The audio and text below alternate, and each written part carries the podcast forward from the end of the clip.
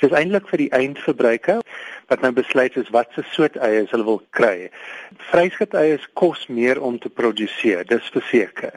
Maak nie saak hoe groot die volume is, vir verskeie redes kos dit meer. Maar as dit wat die mense wil hê, dan sal ons definitief dit aanspoor dat boere in Suid-Afrika meer en meer van dit produseer.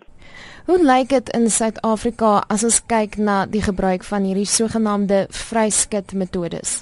As jy vergeet van die snaakse statistiek, as daar so 3% van ons produksie wat werklik free range of vryskut is, soos mense dit ken dit wat in die winkels koop. Daar's baie ander wat nou op, op bergvoenes en klein hoeves en so aan geproduseer is.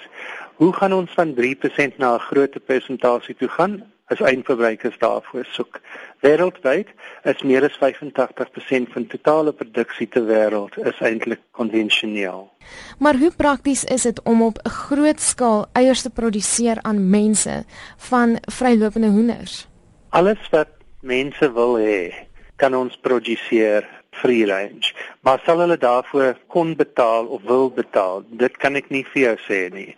En dis eintlik die wat ons dink beperk die hoeveelheid vryskut wat in Suid-Afrika geproduseer is. Daar's nie 'n ander rede nie.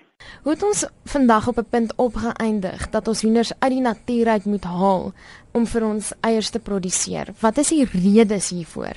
Die koue was ontwerp van die boere het so 50 jaar gelede gesien dat as jy die boere van die vloer afbring en hulle staan nie in hulle eie missings se gegoed nie, dan word hulle nie so siek nie. So toe hulle op die koue ingesit het, het siektes uh, vlakker geval en ook die skade wat hulle self aan hulle self lei toe hulle nou packing doen, uh, het was ook geminimaliseer. So dit was beter op daai stadium. Later aan het mense gesê dit is nie noodwendig beter in terme van hoe die gedrag van die hen moet wees.